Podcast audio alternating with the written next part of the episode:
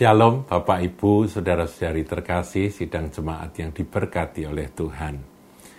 Turun kiranya damai sejahtera dari tempat maha tinggi atas Anda sekaliannya.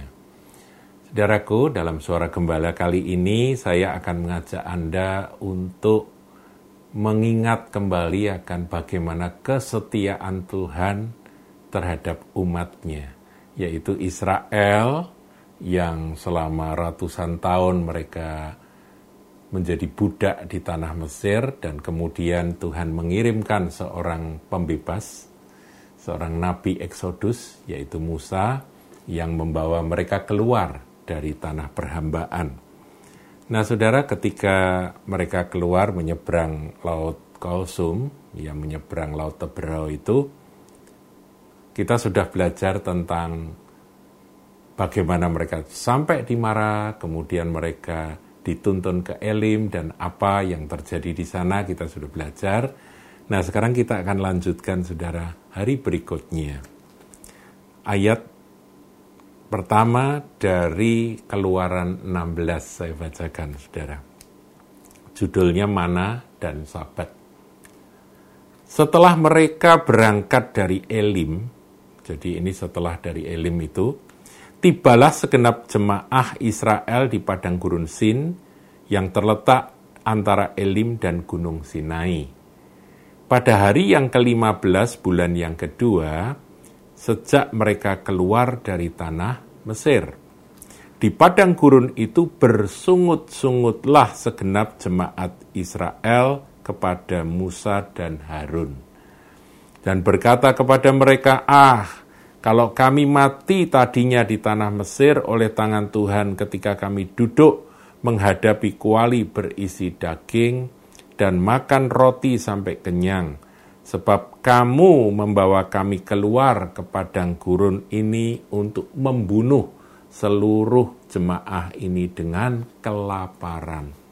Kita tahu pada waktu itu bekal roti mereka mungkin sudah habis, saudara dan mereka tahu bahwa mereka harapannya mau cari roti di mana itu adalah padang gurun dan jumlah mereka banyak.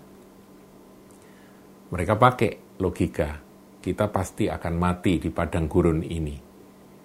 Siapa yang disalahkan? Tentunya Musa dan Harun, pemimpin mereka yang membawa mereka keluar. Saudara, apa yang mereka katakan? Mereka mengingat kembali akan ketika mereka berada di Mesir, mereka menghadapi kuali berisi daging dan makan roti sampai kenyang. Mereka lupa bahwa di tanah Mesir mereka jadi budak. Mereka disuruh kerja paksa, mereka menderita. Ya mereka makan, memang ada makanan. Tetapi mereka menderita. Penderitaannya dilupakan, tapi makanannya diingat-ingat, saudara. Saudara, ini sama dengan orang-orang yang sudah dipanggil keluar dari kegelapan masuk dalam terang yang mulia, yaitu dalam hidup yang baru. Ketika mereka menghadapi tantangan di dalam hidup baru, saudara saya kasih tahu ya bahwa menjadi Kristen, kalau kita berasal dari orang yang bukan orang percaya, kemudian menjadi orang percaya, itu enggak semuanya mulus, saudara. Ada masa-masa di mana Tuhan menguji.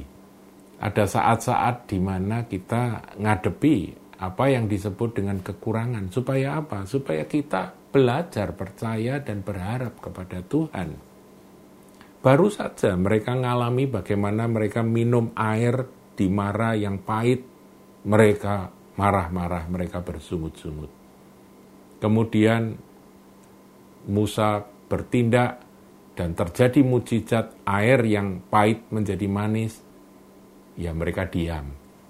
Sungut-sungutnya boleh diredakan. Tapi kemudian mereka berjalan sampai ke, ke Elim, di sana ada kurma, mereka senang. Tapi begitu selesai, mereka keluar, jatah roti yang ada di kantung mereka sudah habis, bekal mereka sudah habis, kembali bersungut-sungut. Saudaraku, ini gambaran dari kehidupan orang yang yang disebut umat Tuhan, namun mereka tidak percaya bahwa Tuhan itu adalah pemelihara mereka. Dan ini tentunya ya Tuhan masih maklum karena mereka masih baru belajar kenal dengan Tuhan. Tapi kan mujizat-mujizat sudah ada. Ya, laut Tebero dibelah dua, mereka lolos dari kejaran orang Mesir, dari Firaun. Kemudian ada peristiwa Mara. Itu kan mujizat-mujizat yang sudah dinyatakan. Tapi mereka tetap tidak percaya. Mereka berkata, engkau membawa kami keluar ke padang gurun ini untuk membunuh seluruh jemaah ini. Jadi pikirannya negatif banget, saudaraku. Membunuh seluruh jemaah ini dengan kelaparan. Saudara, jangan mengulang akan apa yang menjadi sikap orang Israel.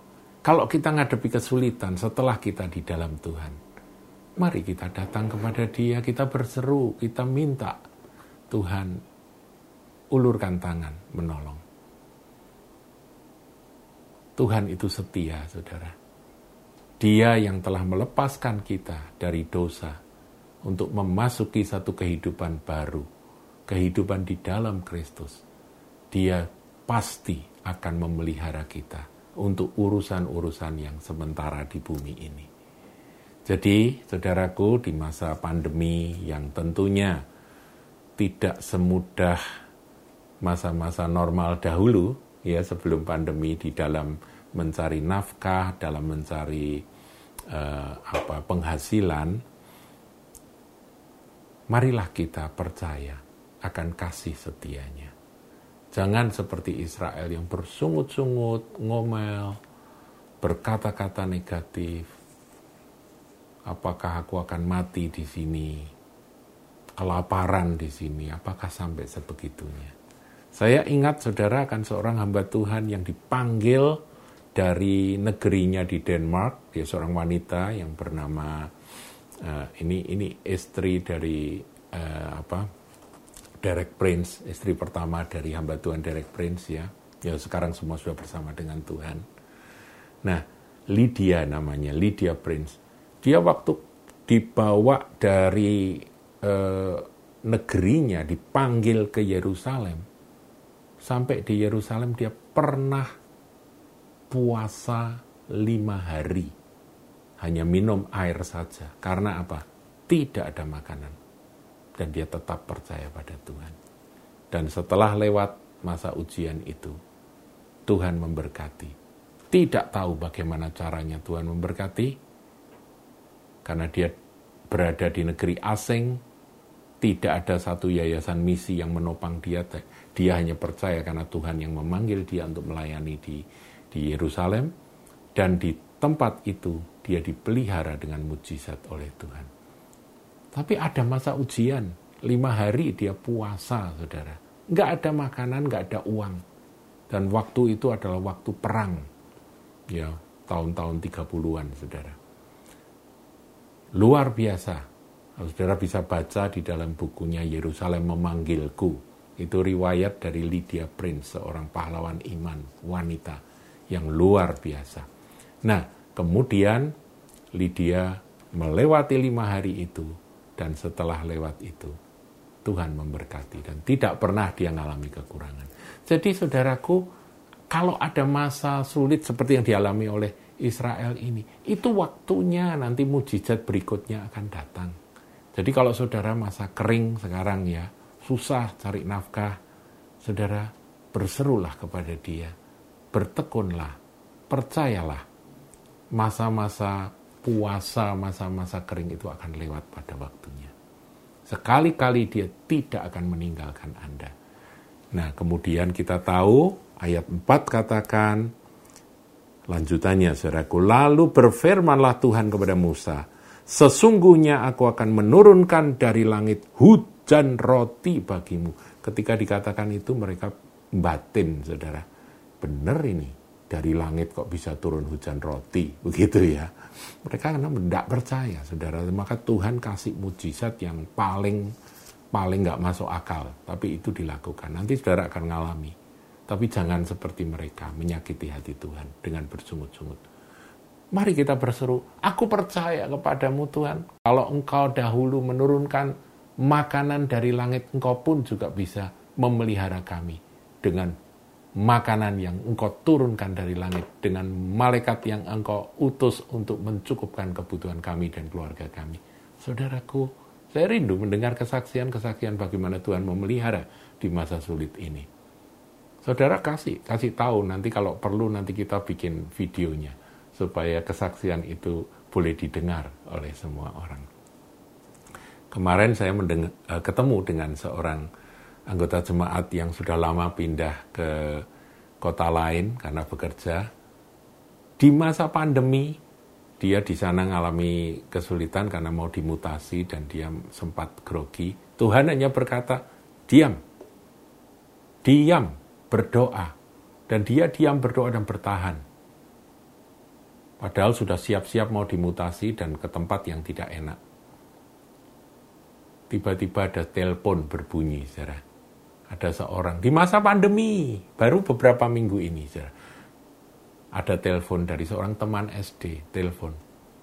Ini ada perusahaan butuh seorang yang menjadi wakil dari bosnya, karena bosnya mungkin udah capek begitu ya.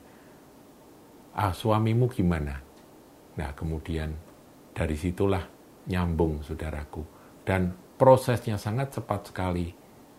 Dia diterima di sebuah perusahaan dengan jabatan yang baik, dengan gaji yang sama. Saudara, bukankah mujizat itu masih terjadi?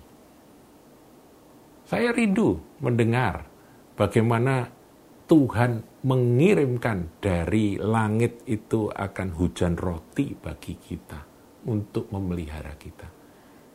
Dan bukan saja rotinya yang enak, tapi hati kita bersuka cita karena ini roti yang dari Tuhan. Tuhan yang memelihara, bukankah demikian, saudaraku? Maka bangsa itu akan keluar dan memungut tiap-tiap hari sebanyak yang perlu untuk sehari. Supaya mereka ku coba. Jadi saudara, semua itu adalah ujian. Ujian dari Tuhan. Apakah mereka hidup menurut hukumku atau tidak kalau ada kesulitan, langsung sungut-sungut, langsung menyimpang dari jalan Tuhan. Langsung cari jalan sendiri kalau perlu ngelawan hukum-hukum Tuhan. Apakah seperti itu, saudaraku? Kalau kita belajar setia seperti dia yang setia adanya, sekali-kali Tuhan tidak akan membiarkan kita dan meninggalkan kita. Dan kisah dari Israel 40 tahun Tuhan setia. Tiap pagi turun itu mana hujan roti dari sorga itu. Seperti damar bedolah, seperti ketumbar putih begitu, seperti kepingan salju. Bangsa itu berlari kian kemari memungutnya sesuai dengan kebutuhan mereka masing-masing. Ditumbuk atau digiling kemudian dimasak, rasanya seperti penganan yang digoreng, seperti kue madu. Dan itu membuat mereka sehat 40 tahun. Kematian mereka bukan karena mereka kelaparan, atau karena mereka sakit, sakit penyakit, tapi karena tulah. Nah ini menyedihkan, saudara. Tulah itu karena Tuhan murka melihat pemberontakan demi pemberontakan yang mereka lakukan selama 40 tahun mereka ada di padang gurun. Para penafsir setuju saudaraku sebenarnya perjalanan mereka itu hanya ya paling lama berapa lah, berapa hari atau mungkin berapa minggu sudah sampai di tanah perjanjian. Tapi Tuhan memang menguji mereka. Jadi marilah saudaraku, kita sebagai umat Tuhan, kita belajar percaya akan kasih dan pemeliharaannya dia. Dan jangan bersungut-sungut. Kalau ada kesulitan, itu masa ujian buat kita. Dan kita percaya kalau masa itu lewat. Seperti Lydia Prince, dilimpahi dengan berkat dan tidak pernah kekurangan lagi setelahnya. Maka demikian kita pun akan mengalami. Tuhan Yesus memberkati.